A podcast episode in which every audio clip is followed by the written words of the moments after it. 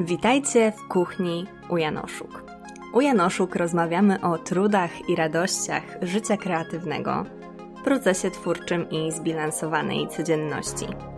Od kuchni to z kolei seria, w której zapraszam do siebie osoby korzystające z kreatywności w swoich działaniach, niezależnie od tego, czy są abstrakcyjnymi malarkami, inżynierami pokładowymi czy prężnie działającymi biznesmenkami.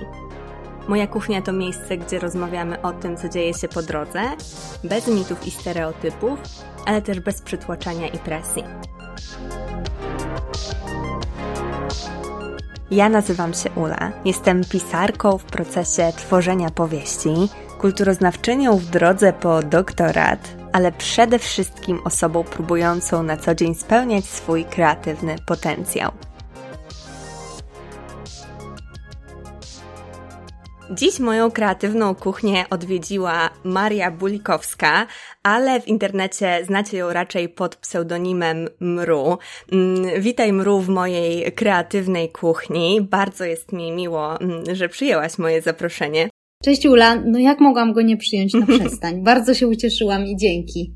Dzięki bardzo i zacznijmy od pierwszego pytania. Kim jesteś? Okej, okay, zaczynasz z grubej rury. Mhm. Powiem Ci, że e, ja oczywiście wiedziałam, jakie zadasz mi pytania, bo Twoje gościnie zazwyczaj odpowiadają w tej pierwszej części na te same pytania. Tak. I zacznijmy od tego, kim jestem w skrótowej, informacyjnej formie dla tych, którzy mnie nie znają. E, ja o sobie mówię, że jestem rysowniczką. To jest może najprostsze. E, jestem ilustratorką, autorką książek, projektów okładek, pracowałam przy scenografiach, pisałam. No i właśnie widzisz, im dalej w las, tym to pytanie, kim jestem, jest trudniejsze, a ciągle jesteśmy tylko w temacie zawodowym. Tak. Mm, I powiem Ci, że to jest jedno z takich pytań i właściwie nie wiem, czy jakiekolwiek pytanie w życiu zadało mi, zatruło mi więcej krwi niż pytanie, kim jestem. I uważam, że ono jest istotne. Warto sobie w którymś momencie je y, zadać, warto wiele razy sobie je zadawać na różnych etapach życia. Natomiast yy, według mnie jest to pytanie przereklamowane. Już Ci mówię dlaczego. Nie dlatego, że jestem przeciwniczką y, szukania yy, jakby siebie, określania siebie. Raczej chodzi mi o to, że yy, pytanie, kim jestem, generuje jakiś taki nacisk, przymus określania się, który może być wyzwalający dla jednych, a dla mnie był zawsze jakimś takim ciężkim homontem na szyję, które mnie na różnych etapach życia ciągnęło w dół. Kiedy miałam 18 lat, to każdy maturzysta, y, pewnie to się nie zmieniło, y, jest prześladowany tym pytaniem, kim jestem. Tak. Co ja mam dalej robić? Kim ja mam być, jak będę dorosły, bo ta dorosłość już jest u wrót. I myślę, że gdybym ja sobie wtedy zadała pytanie, czego ja potrzebuję, zamiast kim jestem, to być może byłoby mi po prostu w tę dorosłość y, lżej wejść. Dlatego do tej pory, kiedy się zastanawiam nad tym, kim jestem, to często się tak zapętlam, o Jezu, e, to ja teraz jestem mamą, bo jestem od roku mamą. Mm. Teraz jestem mamą, a może jestem e, żoną, a może jestem kobietą bardziej, a może po prostu dobrym człowiekiem, bo moim zdaniem to jest najistotniejsze. E, a może jestem artystką? Nie, artystka? No, nie wiem, nie wiem. Po prostu to pytanie często mi podcinało skrzydła, dlatego ja staram się mm, myśleć raczej, czego potrzebuję w tej chwili, niż właściwie tego, kim jestem, bo każdy z nas jest po prostu całym wachlarzem oso- osób, y, wchodzi w wiele ról i te role mogą współistnieć, a kiedy piszesz sobie bio na Instagramie, to zazwyczaj musisz określić się w kilku słowach. Tak. A wcale w rzeczywistości tego nie musimy robić.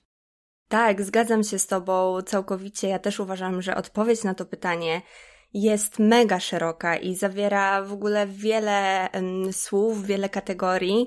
I sama ostatnio stanęłam przed zmianą bio w Instagramie i bardzo długo zastanawiałam się, w jakie kategorie się ująć, dlatego że ja też um, jestem bardzo daleka od. Um, takiego dużego sprecyzowania się. Robię bardzo różne rzeczy, a z drugiej strony też e, w końcu użyłam dwóch słów. E, użyłam słów e, pisarka i podcasterka, ale trudne było dla mnie użycie słowa pisarka, bo chociaż piszę od jakichś tam powiedzmy 10 lat gdzieś od gimnazjum i jest to mój sposób realizowania się, w którym ja najczęściej i najpełniej się realizuję, to jednak nie jestem osobą, która jakąkolwiek książkę wydała, więc tutaj oprócz tego, że wychodzi to, że my musimy same sami wyjść z tymi określeniami dotyczącymi siebie, to jeszcze one są zderzane z tym, w jaki sposób te kategorie, mm, te nazwy tego, kim jesteśmy, są postrzegane w świecie, więc ja się całkowicie zgadzam, że to jest mega trudne, ale rzeczywiście może z tego przyjść pewien pożytek,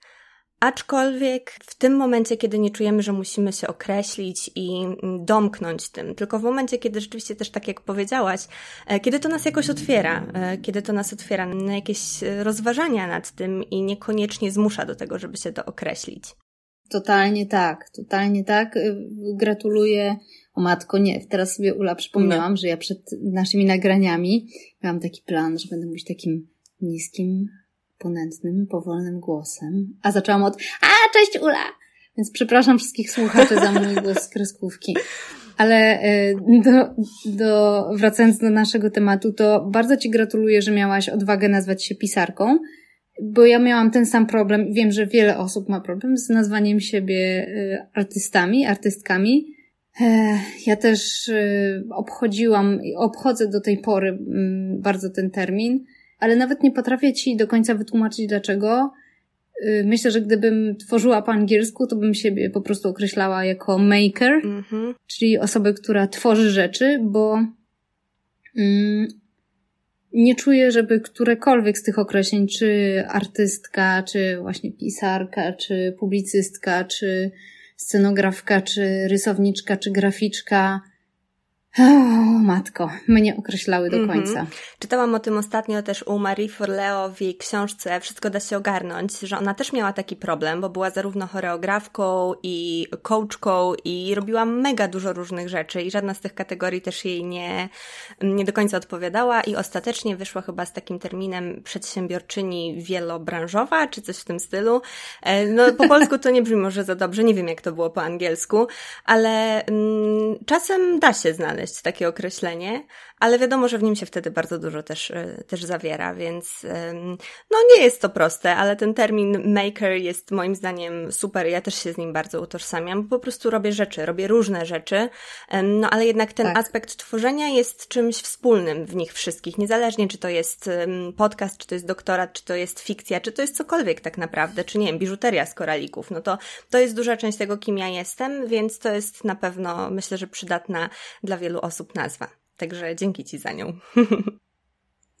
No, chciałabym ją opatentować, pewnie byłabym bogata, no ale no, za późno. No, tak może niestety nie wyjść to do końca, ale przejdźmy już do mm, kolejnego pytania. Powiedz, od kiedy działasz kreatywnie i kiedy zdałaś sobie z tego sprawę? Zastanawiałam się nad tym pod prysznicem. Mhm. Najlepsze miejsce. Jestem szalenie profesjonalna w tym podcaście. Ale załóżmy tak, że jestem naprawdę w kuchni u Janoszuk i sobie pijemy kawę. Tak, dokładnie. Y, zastanawiałam się nad tym od kiedy i wydaje mi się, że y, chyba większość osób takich, które coś robią kreatywnego, powiedzą od zawsze.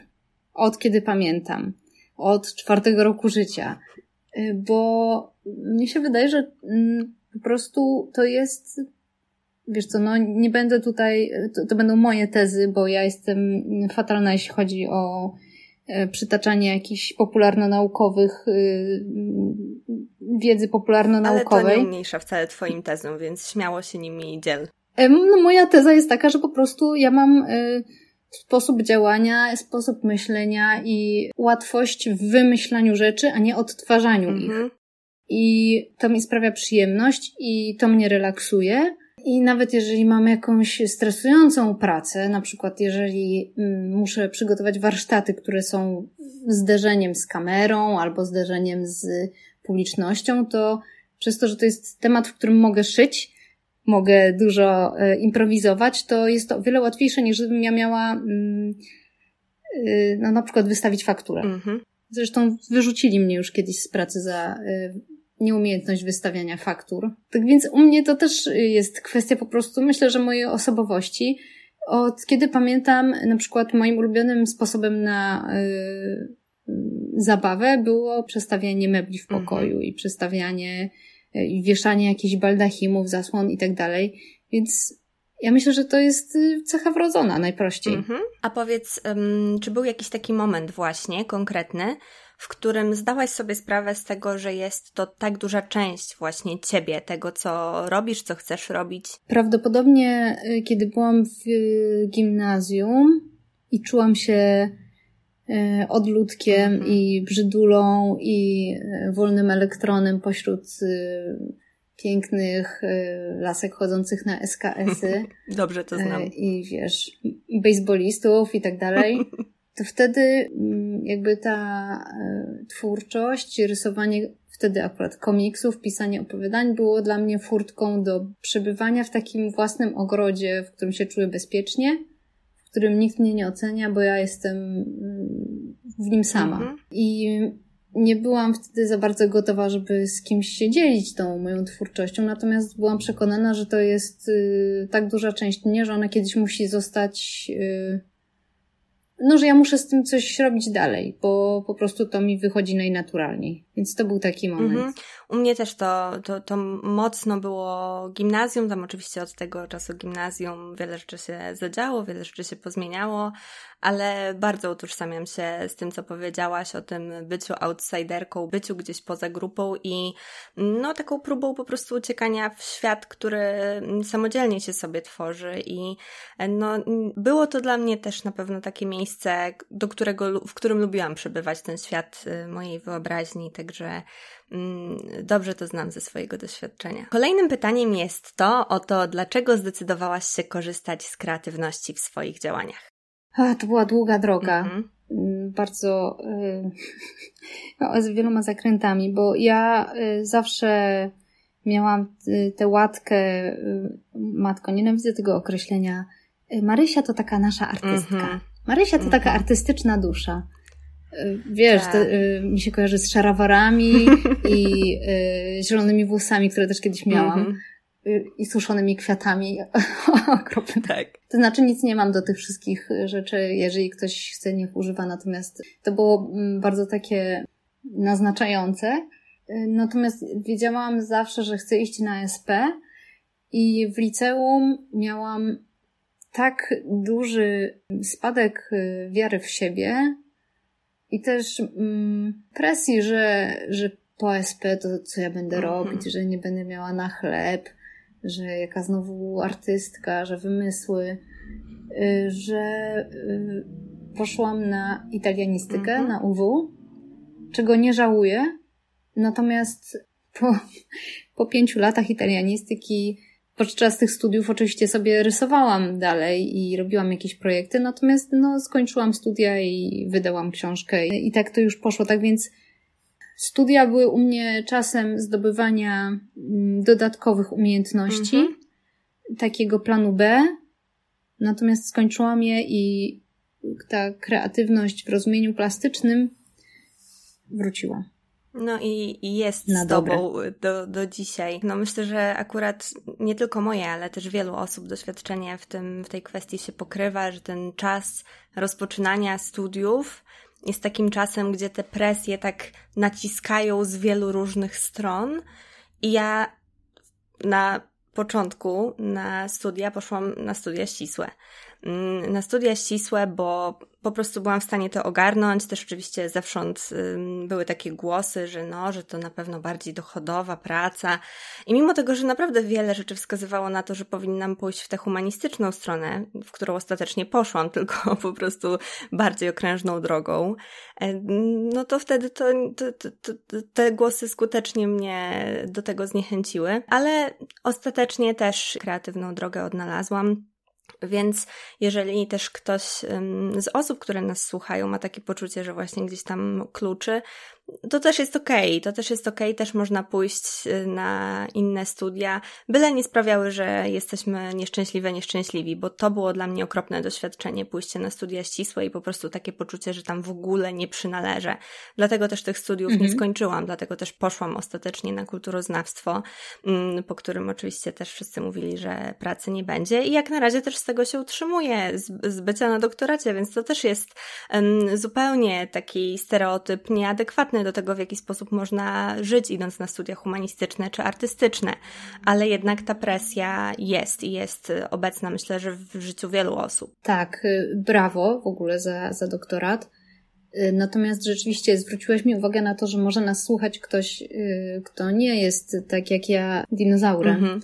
I mam do Was apel, pozwólcie sobie też na, nie powiem popełnianie błędów, tylko podejmowanie decyzji, które nie są dobre. Tak. Bo nie ma dobrych decyzji. Nie ma złych decyzji, nie ma dobrych decyzji. To są tylko wasze doświadczenia i to już od was zależy, co z nimi zrobicie. Ja dzięki temu, że skończyłam italianistykę, wiele razy miałam super, mm, super płatne zlecenia, dzięki którym mogłam później rysować. Kilka razy byłam sobie we Włoszech, tłumaczyłam na przykład wystawę podczas y, tygodnia y, designu, więc dodatkowe umiejętności są przydatne. To nie jest, nie żyjemy w filmie Disneya mhm. albo w serialu Netflixa, że bohaterka jest od razu, czy bohater jest od razu ukształtowanym bytem, który, wiesz, lubi żółte kwiatki, więc nie, nie tknie mhm. trawy. Zjedz trochę, Boże, co za metafora, zjedz trochę tej trawy, jeżeli ci nie będzie smakować, to będziesz wiedzieć, że ci nie smakuje.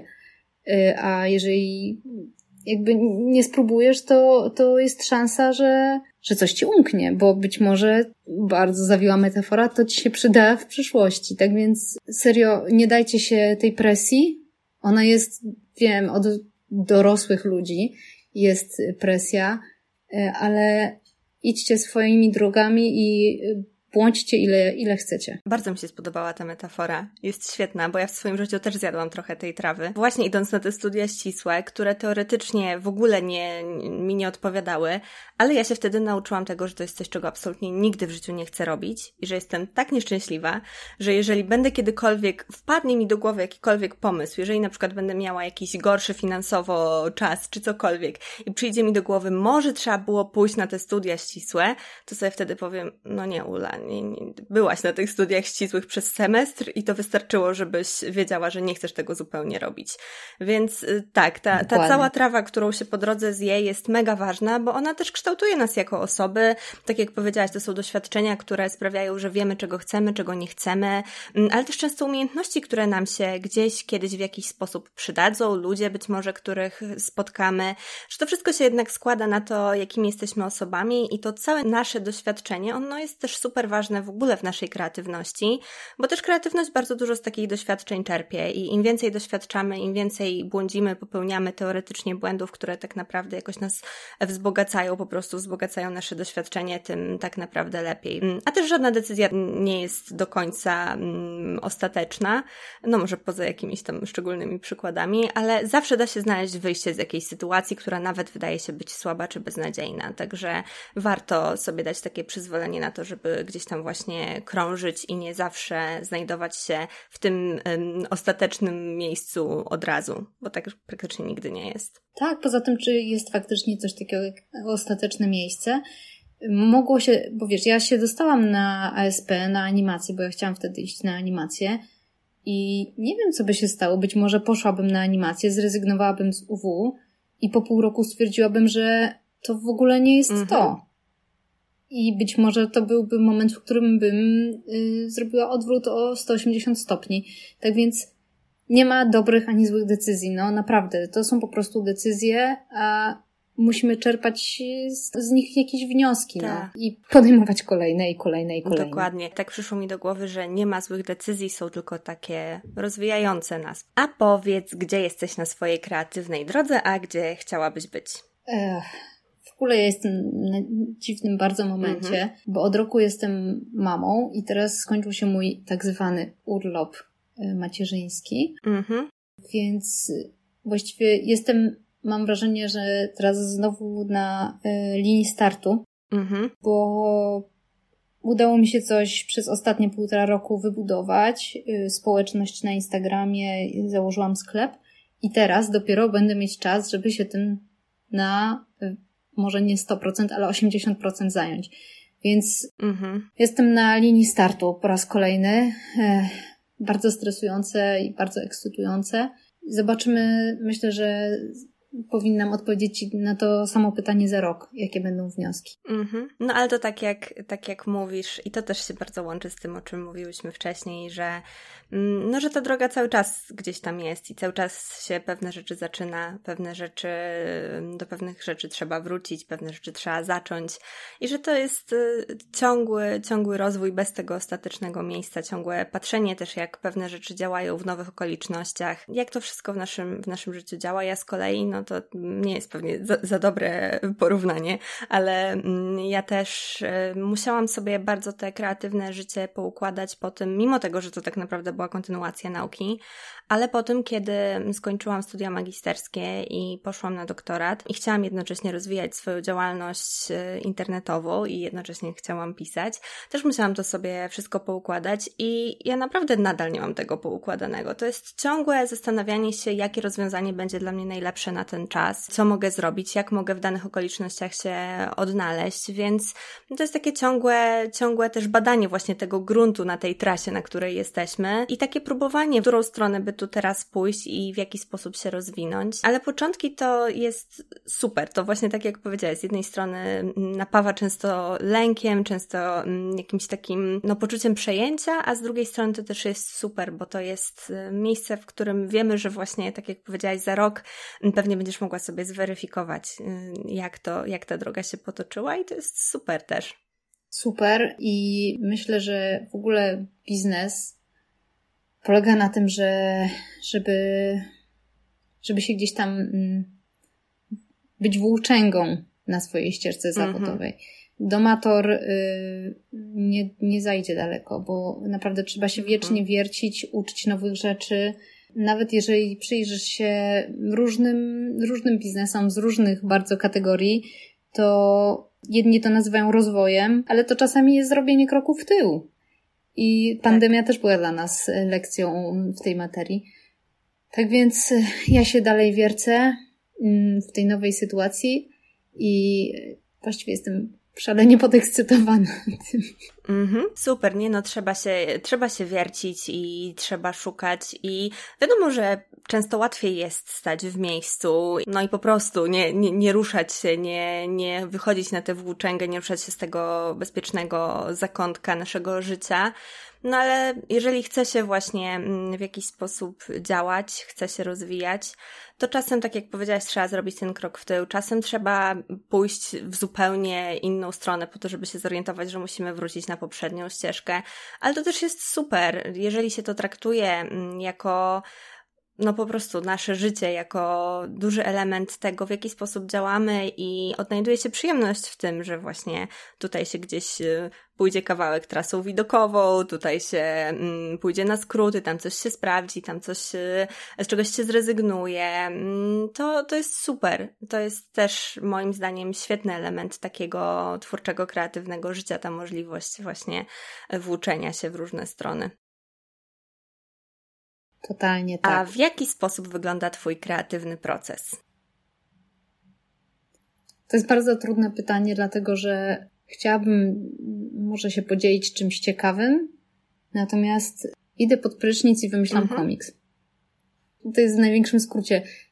Wiesz co, mm, dlatego że przez właśnie ostatnie półtora roku to um, oprócz nudnego etatu y, zajmowałam się Instagramem, to potrzebuję po prostu zamknąć się na 15 minut w wyciszeniu i tak się pojawiają najlepsze mhm. pomysły. No nie wiem, czy kiedykolwiek udało Ci się wymyślić coś fajnego podczas burzy mózgów. Ja tego nienawidzę.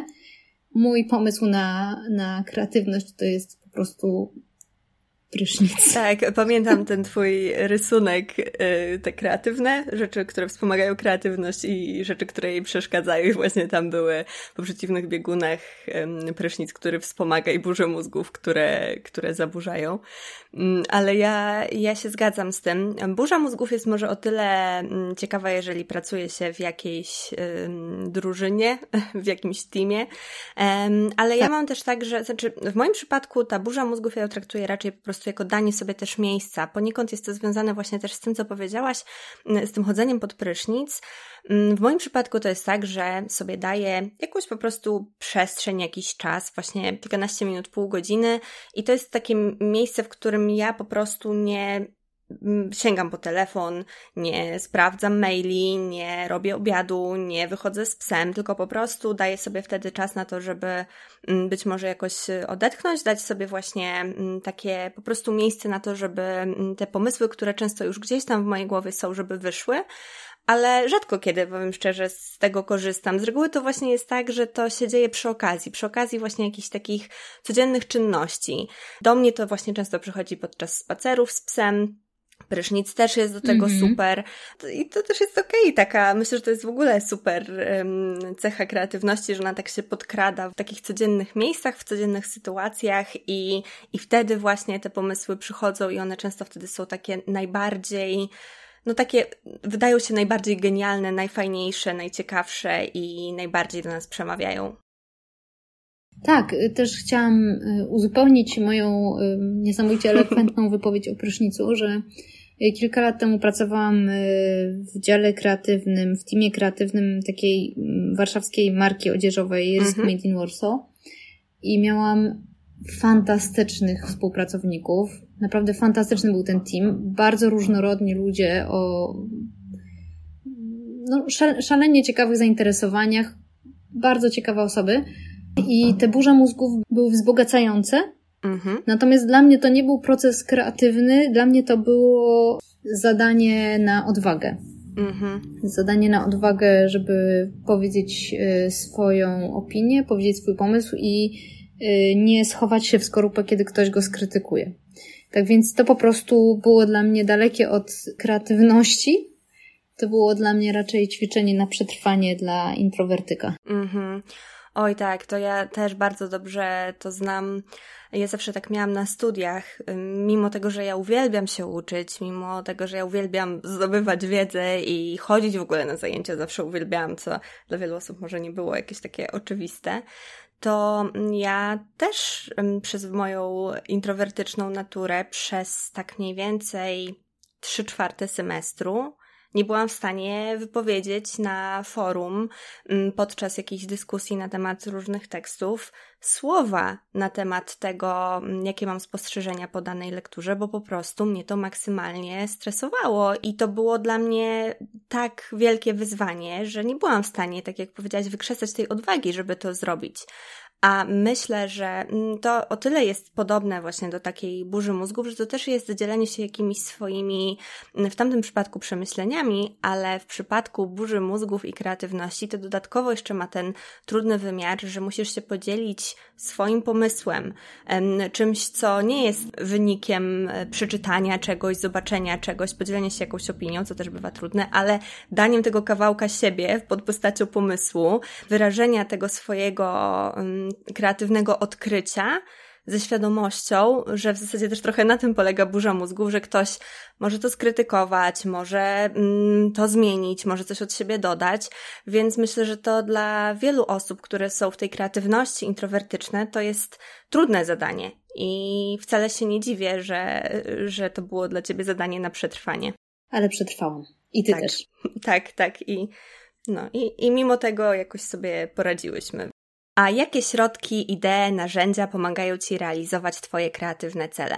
Y, wiesz co, bardzo, bardzo długo po prostu wystarczył mi blok i ulubiony ołóweczek. Mhm. Y, później się przerzuciłam na rysowanie w komputerze, mm, skanowanie i tak dalej, więc te wszystkie dodatkowe sprzęty. Natomiast do tej pory myślę, że y, naprawdę najlepsze pomysły to są takie, które zdążysz zapisać przed zaśnięciem i naprawdę trzeba je zapisać, tak. bo nigdy Nigdy po obudzeniu ich nie pamiętasz. Nigdy. Tyle, ile pomysłów ja straciłam, zanim nauczyłam się tego, żeby trzymać na szafce nocnej y, notatnik, to po prostu niech spoczywają w pokoju. Może jeszcze wrócą do ciebie kiedyś we śnie. Może. Ale naprawdę, y, notesik ze sobą, z ołówkiem, pozwolenie sobie nawet na rysowanie bezwiedne, takie szkicowanie z natury albo y, robienie nawet abstrakcyjnych jakichś kształtów, mm -hmm. malowanie sobie kredeczkami, po prostu odczepienie się od siebie i pozwolenie sobie na y, rysowanie bez celu. Tak. Bo wtedy wychodzą najfajniejsze rzeczy. Mhm. I to tyle. Właściwie myślę, że naj, naj, najważniejszym naszym narzędziem jest zaufanie sobie. Mhm. Zaufanie sobie, że nie trzeba być hiperproduktywnym, produktywną przez cały czas. Tak. Zdecydowanie. Ja kiedy się właśnie od siebie odczepiłam, kiedy właśnie odczepiłam się od tego, że wymagałam od siebie, od swojej kreatywności, od każdej minuty swojego dnia, żeby, żebyśmy były najbardziej możliwie produktywne, wtedy się zaczęły dziać najlepsze rzeczy i wtedy, kiedy się od siebie odczepiłam, to to, to moje życie kreatywne i niekreatywne zyskało zupełnie inny poziom ale to też nie było proste. To też musiałam sobie wypracować, bo jako osoba mega ambitna i mega mocno dążąca do osiągania jakiejś rzeczy, ale też chorobliwie e, perfekcjonistyczna, miałam tak, że mm, odbierałam sama sobie radość z życia i mhm. radość z twórczego procesu. I, i, I sama byłam dla siebie taką kłodą. I kiedy przestałam dla siebie być taką kłodą, no to wtedy otworzyło się w moim życiu dużo, dużo więcej miejsca na właśnie radość i przyjemność z tego, co robię.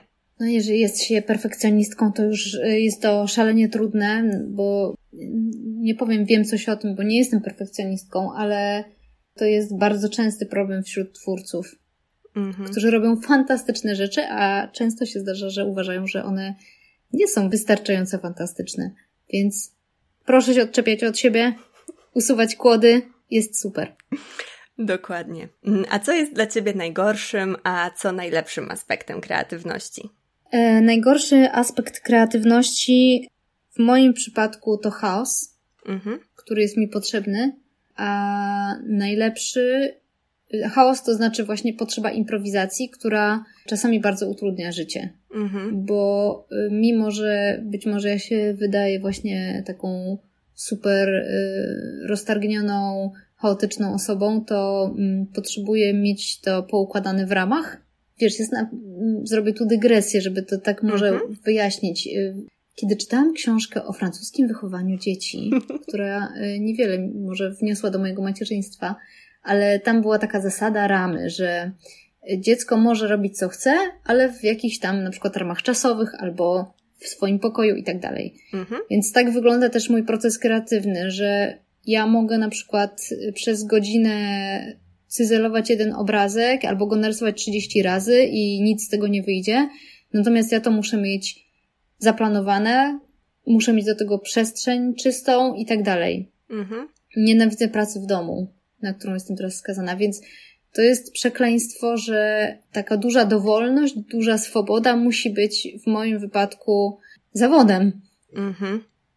Więc te ramy muszą być jakoś tam narzucone, no bo jest to praca tak. i muszę na przykład wypuszczać dwa, trzy rysunki w tygodniu. Mhm.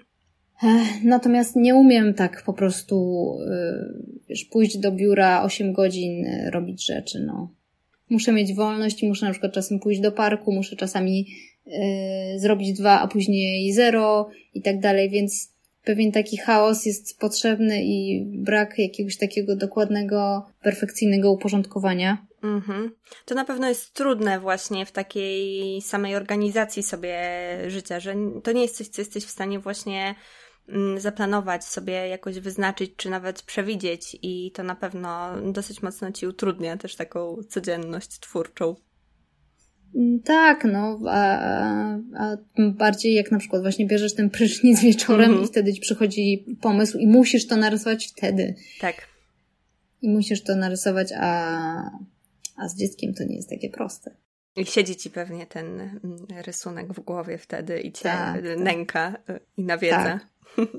Więc to jest taka właśnie, może chaos to jest złe słowo, ale jakaś taka swoboda, nieprzewidywalność, potrzeba, potrzeba wolności. Mhm. Więc to jest trudne po prostu. Może tak. to nie jest najgorszy aspekt, na, natomiast najlepszym aspektem jest, yy, no dla mnie tworzenie, nawet jeżeli dla kogoś to są po prostu memy czy śmieszne obrazki, to, yy, to jest yy, dla mnie jak odkroić sobie kawałek kiszki i podać komuś na talerzu. Mhm. O Jezu. Jestem królową obrzydliwych metafor, ale kiedy ktoś, wiesz, mi pisze wiadomość na Instagramie, że, że coś go poruszyło, e, ją, zazwyczaj, mhm. no to dla mnie jest jednak wzruszający i wa wa ważny komunikat, bo no daje dużo serca z, z siebie w tych, w tych moich obrazkach. I w okładkach, i w plakatach. Czego nie robię, to, to staram się, żeby to było jak najbardziej moje.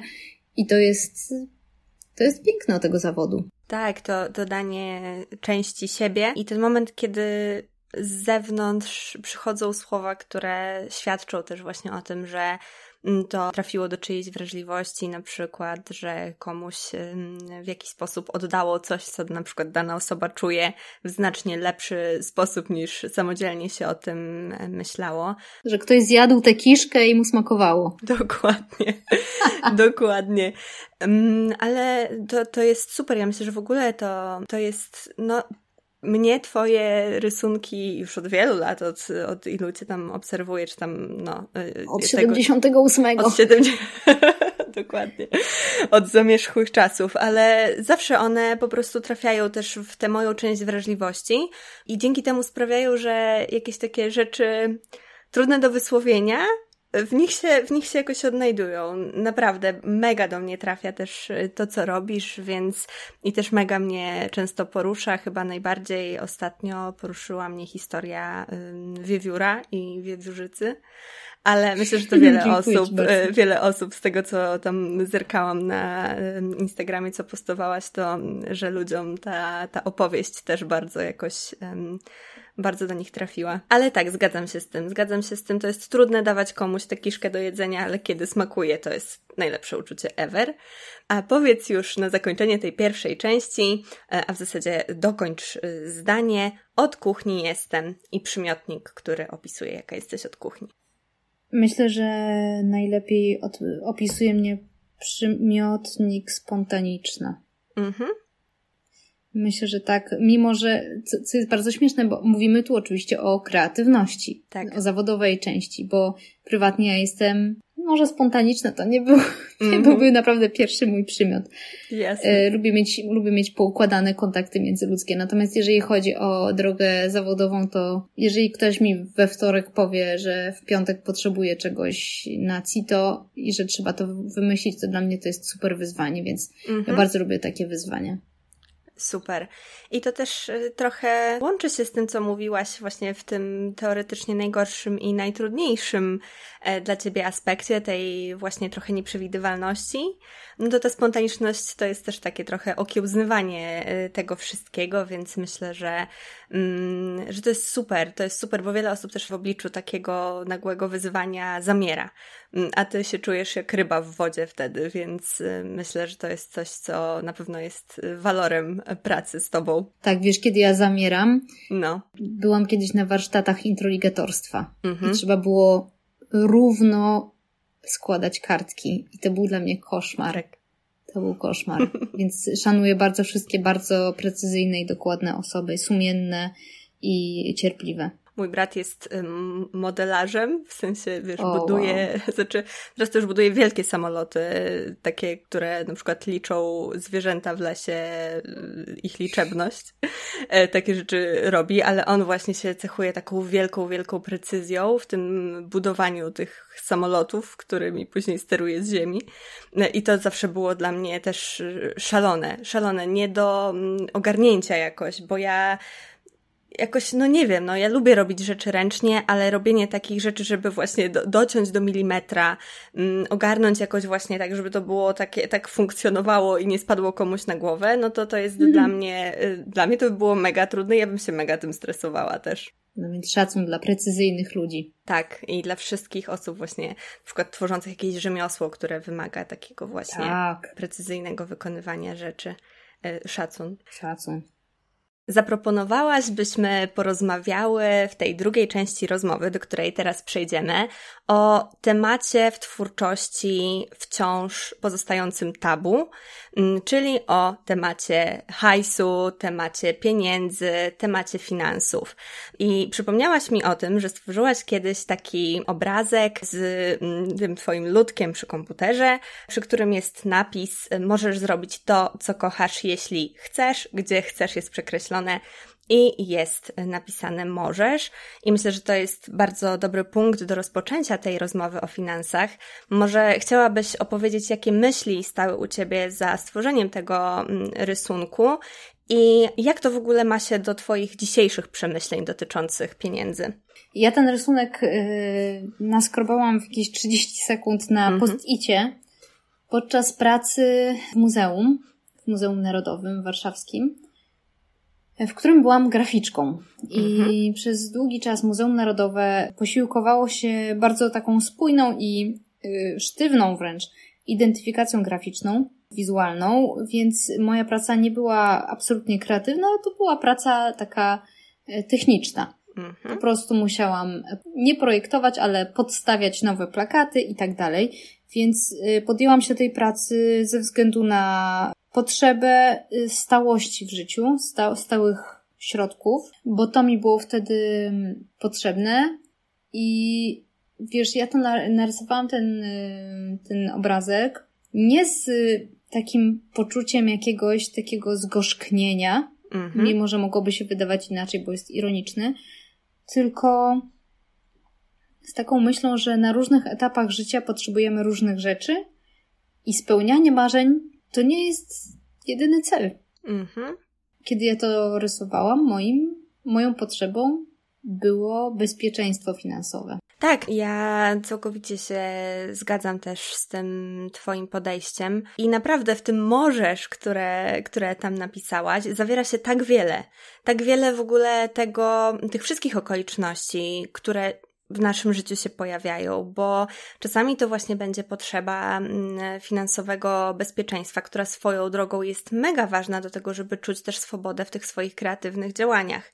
Mm, to mi w ogóle po raz pierwszy uświadomiła lektura już wiele lat temu Wielkiej Magii Elizabeth Gilbert, gdzie ona, mm, to jest też autorka książki Jedz, módl się, kochaj i wielu, wielu innych, która tak naprawdę tam do około 40 roku życia, oprócz pisania, y, robiła, pracowała jako kelnerka, dlatego że potrzebowała tej stabilizacji finansowej, tego stałego dochodu, po to, żeby móc pisać swobodnie i by nie musieć właśnie mm, tej kreatywności swojej obarczać tym, tymi zarobkami. I w tym możesz, no to właśnie też zawiera się oprócz tego Myślę też y, duża doza właśnie tego, o czym wspomniałaś w wiadomości, o której, w której mi powiedziałaś, o czym chciałabyś rozmawiać, czyli tego uprzywilejowania że żeby tworzyć, żeby żyć, utrzymywać się z bycia artystą, artystką, to może nie to, że trzeba być uprzywilejowanym, że to samo w sobie jest po prostu przywilejem i często okupionym wieloma różnymi rzeczami, które się wiążą z tym, że coś wokół tego tworzenia, wokół tego tworzenia sztuki jednak się robi, coś się poświęca.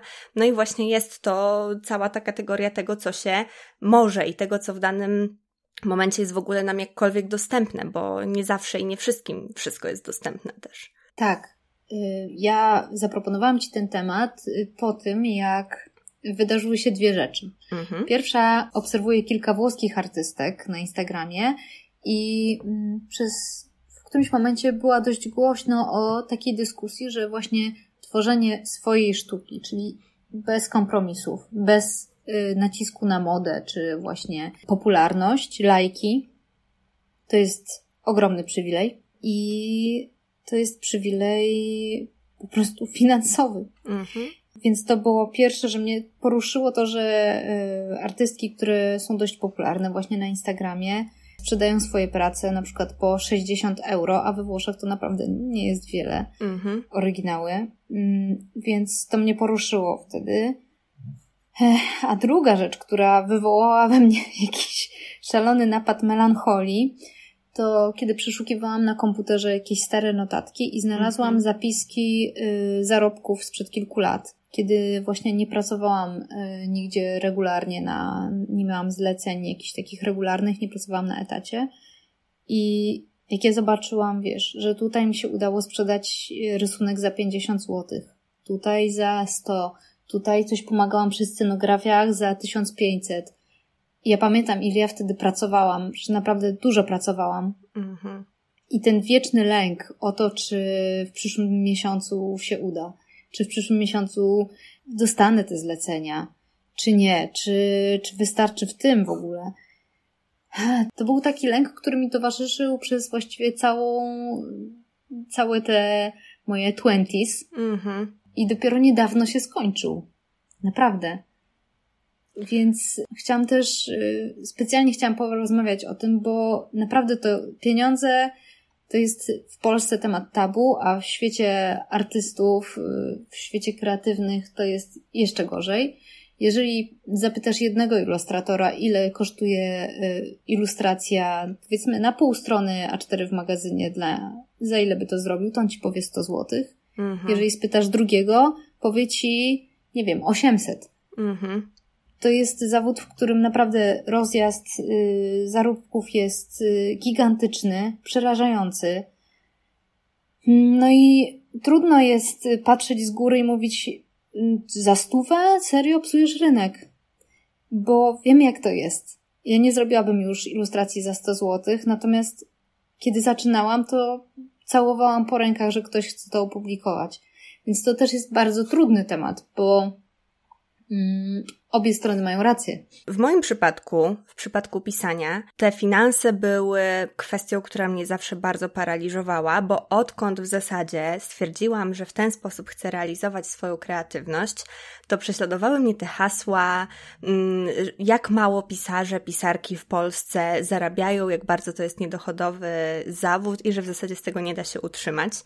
I to w pewien sposób, y, zanim jeszcze nie zyskałam jakiegoś takiego swojego doświadczenia i mm, zanim nie poznałam tego też, jak funkcjonuje moja kreatywność, to było to dla mnie e, bardzo paraliżujące, bo ja myślałam, że wszystko albo nic albo będę żyła z mojej pasji i będę pisała i to będzie życie moich marzeń, albo po prostu muszę z tego zrezygnować i upchnąć ewentualnie gdzieś to po pracy.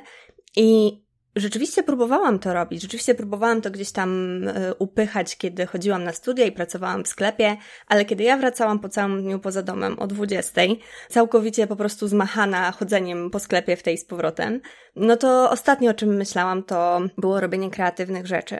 I bardzo długo zajęło mi takie dojście do tego, jak ja bym chciała, żeby to wyglądało i jak ja chcę sobie poukładać moje życie zarówno kreatywne i to takie powiedzmy niekreatywne, e, tak żeby to jakoś ze sobą działało i tak naprawdę ja nadal nie mam jakiejś takiej, mm, wiesz, wielkiej recepty na to, jak będzie wyglądało całe moje życie, ale nie będę też ukrywać tego tutaj, że ja na doktorat poszłam między innymi dlatego, żeby przez 4 lata mieć stabilność finansową. Ja nie jestem pewna, czy ja zostanę na uczelni. Tego teraz nie wiem, będę decydować, kiedy przyjdzie na to pora, ale fakt, że szczególnie jeszcze w pandemii, mm, ja co miesiąc dostaję stypendium, nie jest może jakieś bardzo wysokie, ale całkowicie mi wystarcza na życie, to jest dla mnie niesamowita rzecz, która sprawia, że wiesz, jestem w stanie i działać internetowo, i pisać, i nie przejmować się tym, czy będę miała za co zapłacić e, rachunki w kolejnym miesiącu.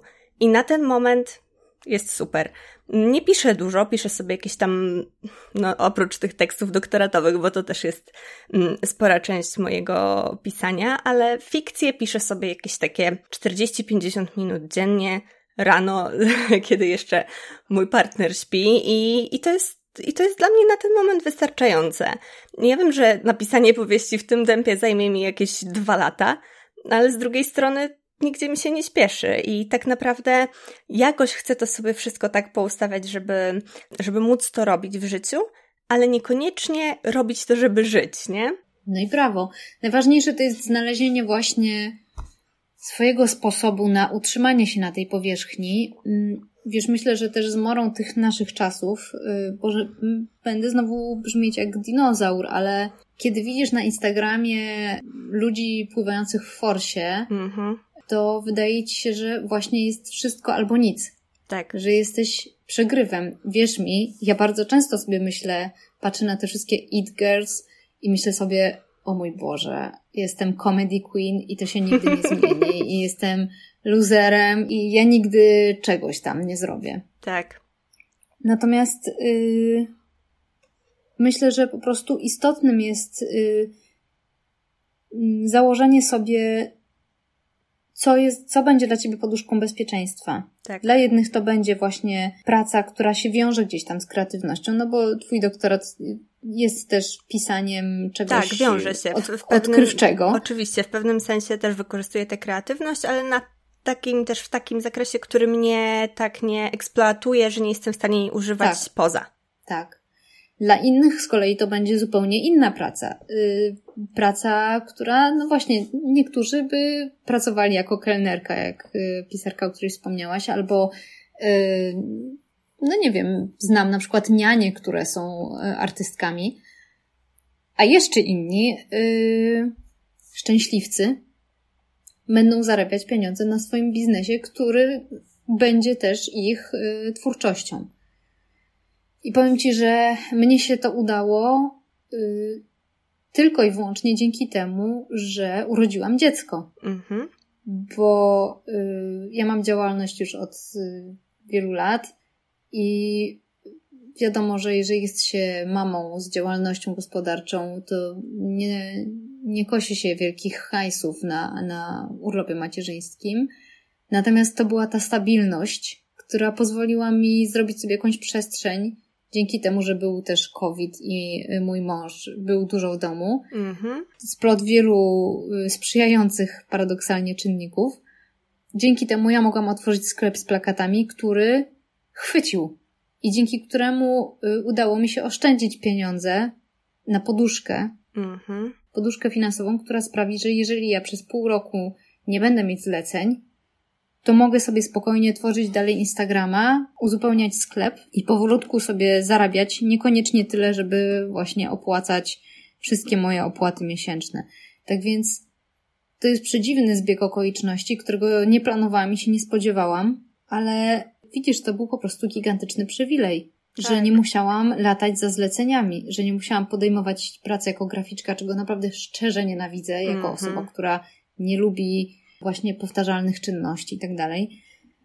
E, Więc chciałam pogadać o tej kasie właśnie dlatego, że żeby nasi słuchacze, słuchaczki, które czują się czasami jak luzerzy, e, widząc sukces innych, naprawdę po pierwsze, niewiele osób osiągnęło taki sukces, żeby super zarabiać jako e, artyści. Tak. Ja mówię o, oczywiście o moim środowisku, nie, nie znam też innych jakby kategorii. Natomiast Jasne. y, wiesz, ja na przykład wchodzę na Instagrama y, Oli Morawiak i myślę, Mhm. wow, girl, jakie to wszystko jest spójne, jakie, jaką ty jesteś doskonałą bizneswoman. Ola, pozdrawiam cię. Mhm. Pozdrawiamy Ole serdecznie. Ale wiem, że ktoś wchodzi na mój profil i myśli, o kurde, 13 tysięcy obserwujących.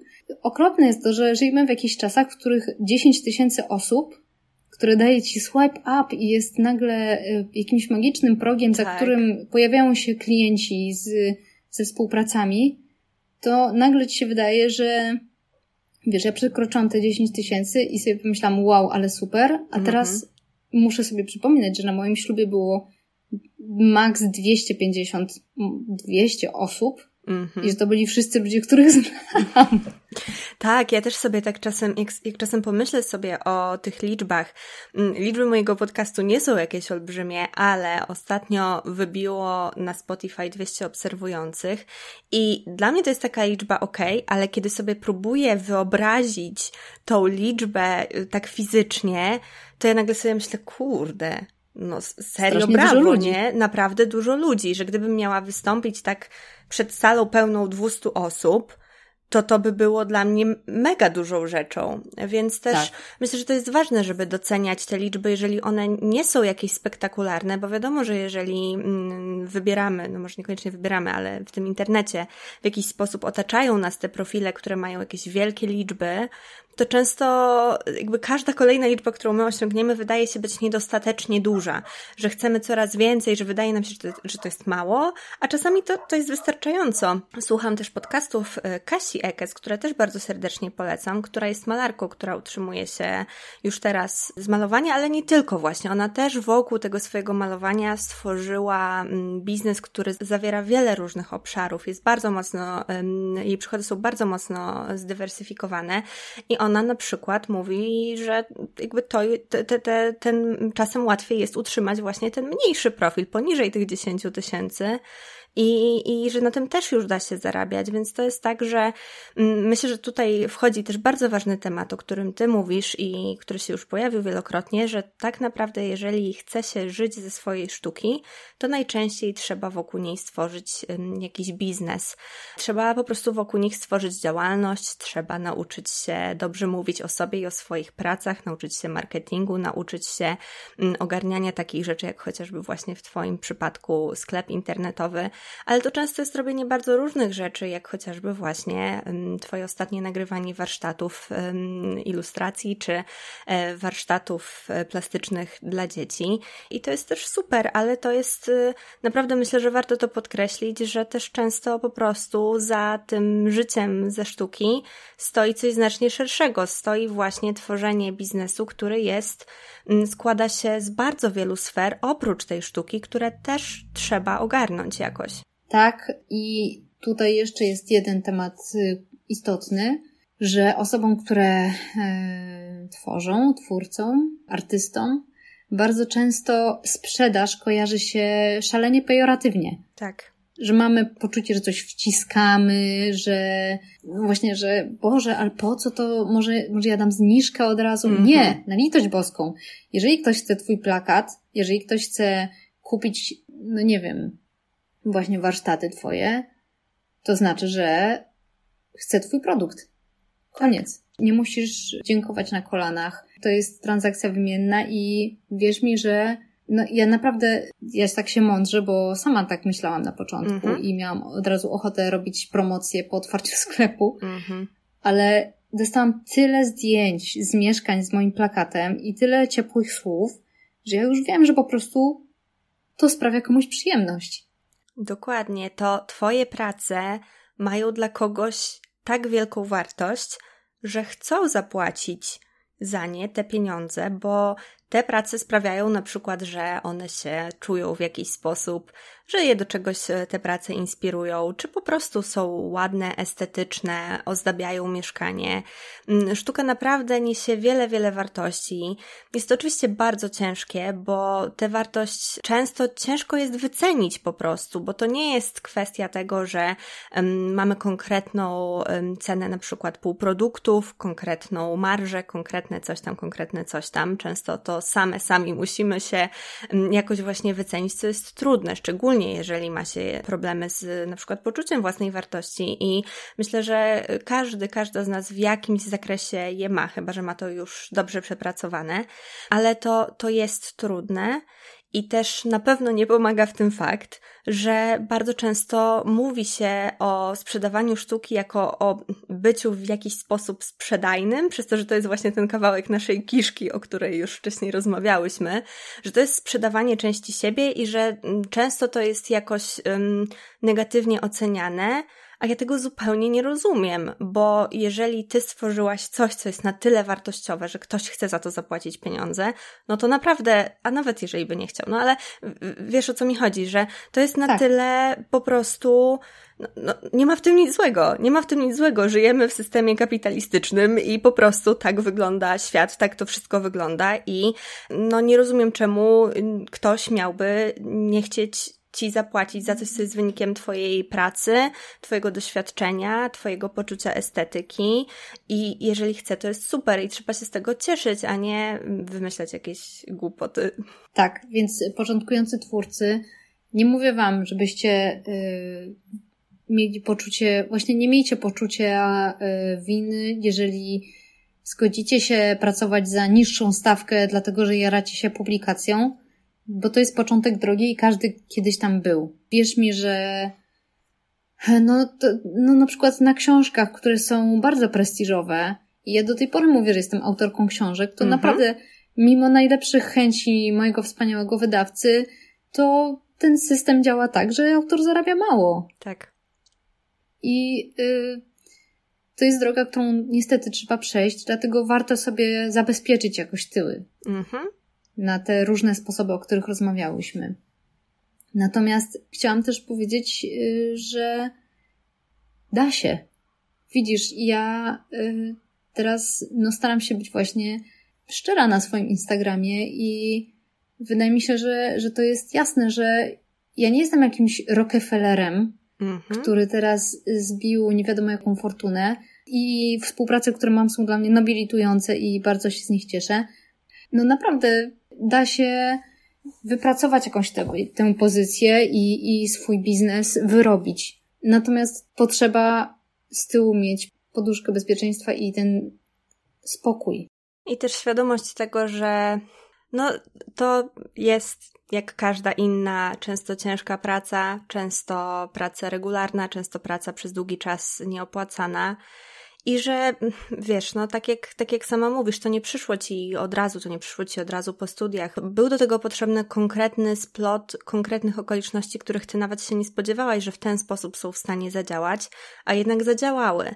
Więc też myślę, że takie trochę słowa mm, otuchy, że nie wszystko wszystkim przyjdzie od razu, nie wszystko wszystkim przyjdzie łatwo, ale jeżeli mamy w sobie tę wewnętrzną motywację do tego, że, że wiemy, że nie wyobrażamy sobie życia bez y, robienia kreatywnych rzeczy, że po prostu jesteśmy nieszczęśliwe, nieszczęśliwi bez tego i że chcemy chociaż w jakiś sposób, w jakimś zakresie ogarnąć sobie właśnie to miejsce na to, niekoniecznie mm, by się z tego utrzymywać, ale po prostu by to robić, to nie wiemy kiedy, nie wiemy jak, ale jest szansa, że uda nam się, jeżeli e, będziemy w jakiś sposób do tego dążyć, że w końcu w jakiś sposób te okoliczności też nam się e, ułożą sprzyjająco i będziemy w stanie zacząć na tej swojej sztuce zarabiać, jeżeli to jest naszym marzeniem. I czasem potrzeba do tego bardzo dużo czasu, czasem potrzeba tego czasu mniej. Myślę, że warto próbować i warto też mieć z tyłu głowy to, że mm, nigdy nie wiemy tak naprawdę, co czeka za tym rogiem tej krętej drogi, o której też dzisiaj już wspominałyśmy i że mogą się tam czaić bardzo piękne rzeczy i czasem nawet piękniejsze od, y, od hajsu. Czasem, czasem są to super relacje, czasem są to super współprace, czasem jest to miły komentarz na Instagramie i no dla mnie na przykład warto. Chociaż teraz na swojej sztuce nie zarabiam, to warto i czuję wielką, wielką radość, że mogę wieść kreatywne życie. Wczoraj miałam takie właśnie olśnienie na spacerze z psem, bo mam teraz mega dużo pracy nad doktoratem i miałam tak, że ojeju, no teraz kolejne dwa miesiące będę mm, harować mega mocno, ale później sobie pomyślałam, kurde, Ula, jesteś mega wielką szczęściarą. Robisz doktorat, który też w sumie lubisz, piszesz na tematy, które lubisz, e, dostajesz za to hajs, a jeszcze do tego możesz sobie w międzyczasie gadać z fajnymi ludźmi w podcaście, publikować rzeczy na Instagramie i jeszcze pisać, więc e, mimo tego, że nie zarabiam teraz na swojej sztuce, to czuję się mega szczęśliwa, że mam na nią miejsce, więc myślę, że tak jak to cały czas podkreślamy, jest wiele różnych sposobów na to, jak można kreatywnie żyć, jak można żyć kreatywnie w związku z pieniędzmi albo bez tego związku. I to wszystko jest ok i warto sobie takie rzeczy też wypracowywać. Koniecznie. A teraz jeszcze Ula, y, bo mi się przypomniał mhm. bardzo ważny dodatkowy tip. Bonusowy. Tak, bonusowy, który właściwie się nie chciałabym mu umniejszyć, bo też mhm. odgrywa ogromną rolę jakby w, moim, w mojej codzienności, to znaczy moi mrucenasi, mrucenasowe.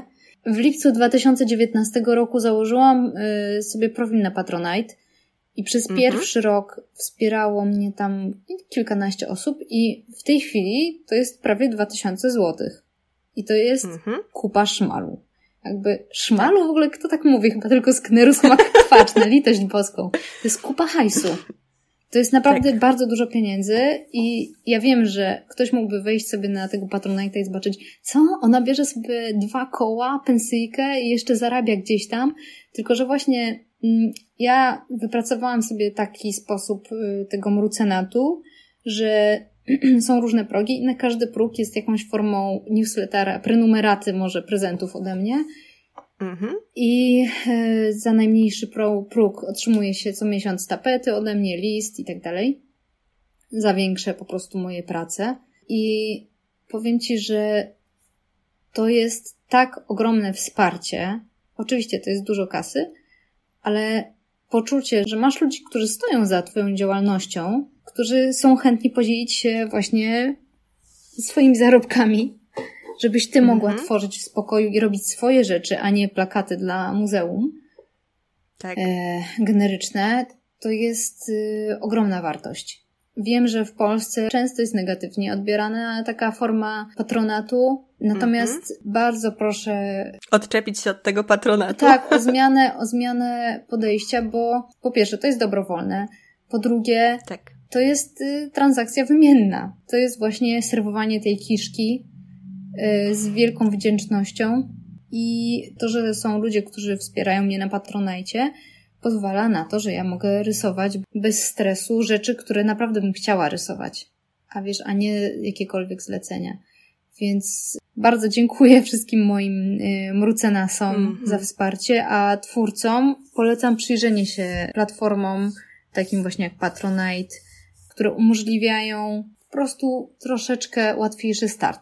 Mhm. Nie no, ale to też ym, zupełnie nie rozumiem, dlaczego to mogłoby się cieszyć złą sławą, bo przecież y, takie zjawisko jak mecenat jest w sztuce obecne od y, bardzo, bardzo dawna i y, tak jak rozmawiałyśmy wcześniej, to jest wymiana wartości za wartość i to jest super opcja, myślę, dla osób tworzących też y, jedna ze strategii, jeden ze sposobów, w jaki można zapewnić sobie tę stabilność finansową, bo naprawdę ludzie chcą się dzielić swoimi finansami, z osobami, z którymi łączy ich właśnie wartość, poczucie humoru, poczucie estetyki.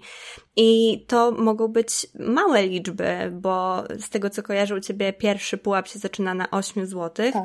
ale jednak grosz do grosza, a będzie kokosze, nie no, nie mówię też tak na Zaraziłam Cię ale, tak. E, żarcikami bujaszka. tak, tak, ale no wiadomo, że to się wszystko zbiera i tych osób, szczególnie kiedy myślę, mamy już jakąś społeczność zbudowaną, która lubi nasze prace, lubi nasze dzieła, lubi naszą sztukę, to, to nie zaszkodzi spróbować. Ja wiem, że też może um, wydawać się nam, wam, że no a kto to będzie chciał, kto będzie chciał płacić? Kto to będzie chciał, kto w ogóle zostanie moim um, patronem, patronką, matronką, mrucenasem czy kimkolwiek, ale ludzie chcą i tak jak powiedziałaś na początku, to mogą nie być wielkie liczby, ale to, nic nie szkodzi. To nic nie szkodzi. Myślę, że dla ciebie na, na początku to też było mega cenne, kiedy widziałaś jak pojawiały się te pierwsze osoby, że to też bardzo pozytywnie wpływa na poczucie własnej wartości, że ktoś może chcieć nas w ten sposób wspierać. Tak. I dziękuję, że też dołączyłaś do grona mrucenasów. Tak, tak. Ja w ogóle nie wiem, jak to się stało, że dopiero teraz, ale ale staram się, dopiero niedawno odkryłam chyba po prostu, jak miło jest też w ten sposób wspierać osoby, które się lubi, które się ogląda, więc zamierzam też w ten sposób poszerzać swój wachlarz osób, które um, wspieram, chociaż właśnie jakąś y, drobną sumą, więc no, więc tak podsumowując te wszystkie nasze dzisiejsze rozmowy, to nie ma co trzymać się tego, tego finansowego tabu, nie ma ma co jakoś tymi finansami się karać czy szczuć, ale trzeba po prostu z pełną świadomością mm, zastanawiać się nad tym, w jaki sposób te finanse chcemy zdobywać, w jaki sposób chcemy, żeby mm, to nasze życie kreatywne i to życie być może obok tej kreatywności też finansowo wyglądało. E, warto też wiedzieć, że są różne sposoby i to też jest tak, że można ich próbować z czegoś,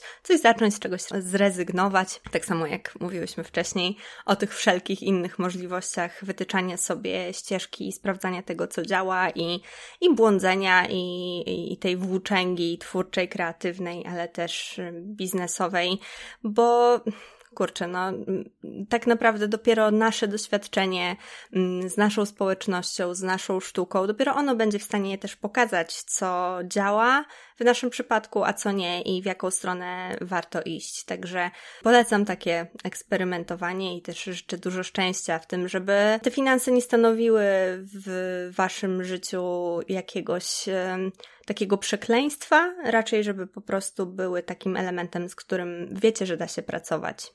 Tak jest. No dobrze, no to chyba już przyszła pora, żeby kończyć naszą rozmowę. Z rozdartym mm. sercem, bo bardzo było mi miło. Mimo, że nie użyłam mojego, wiesz, pięknego, niskiego tembru, którego niestety nie, nie udało się wpleść. Ja też w tych rozmowach jestem znacznie bardziej podekscytowana niż w tych odcinkach solowych, więc nie jesteś w tym, w tym sama. Bardzo Ci dziękuję za to, że odwiedziłaś moją kuchnię raz jeszcze, ale zanim Cię z niej wypuszczę, to powiedz jeszcze, gdzie Cię znaleźć w tej przestrzeni internetowej. Jasne. Zapraszam oczywiście najbardziej na mojego Instagrama mhm. mru.jpg, mru pisane mroux, x.jpg. Jeżeli ktoś chce na Patronajcie też mnie znajdzie wpisując oczywiście mój pseudonim. A, i jest, jeszcze mam swój sklep oczywiście z plakatami. O, widzisz, jaka ze mnie świetna e, przedsiębiorczyni. przedsiębiorczyni. Tak. mrux.store.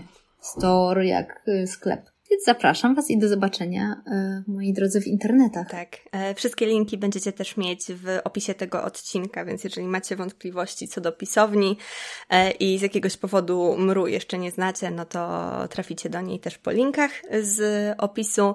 Mm, ja Ci raz jeszcze serdecznie dziękuję i Myślę, że ta rozmowa Dzięki. wielu osobom też, mam nadzieję, doda odwagi do tego, żeby myśleć o dobrze o, o swojej pracy mam taką ogromną nadzieję i jeżeli ktoś potrzebuje, może do mnie pisać. Wtedy postaram się też napędzić Was i dodać otuchy w tej ścieżce. Ja też zawsze podkreślam, że jeżeli macie jakieś przemyślenia, to koniecznie piszcie, to jeszcze zaraz powiem pewnie y, w outro. Mm, no i to tyle. Do usłyszenia. Bye! Mam nadzieję, że ten odcinek był dla Was wartościowy. Jeśli tak, to nie zapomnijcie podzielić się nim z kimś, kto mógłby z niego skorzystać, albo udostępnijcie go na swoich mediach społecznościowych. Jeśli zrobicie to na Instagramie, oznaczcie mnie, żebym mogła Wam podziękować. Znajdziecie mnie pod nazwą u podkreśnik Janoszuk. Tam też możecie mnie obserwować, żeby towarzyszyć mi w kreatywnej codzienności, czy po prostu do mnie napisać, żeby podzielić się swoimi spostrzeżeniami. Skąd Skontaktować się ze mną możecie też przez adres mailowy witajmałpa.u-janoszuk.pl Odnośniki do wszystkiego, co pojawiło się w rozmowie znajdziecie na stronie dedykowanej temu odcinkowi. Znajdziecie ją w opisie na platformie, na której słuchacie tego odcinka. Moja strona to www.u-janoszuk.pl I to tyle na dziś. Mam nadzieję, że do usłyszenia w kolejnym odcinku. Pa! Música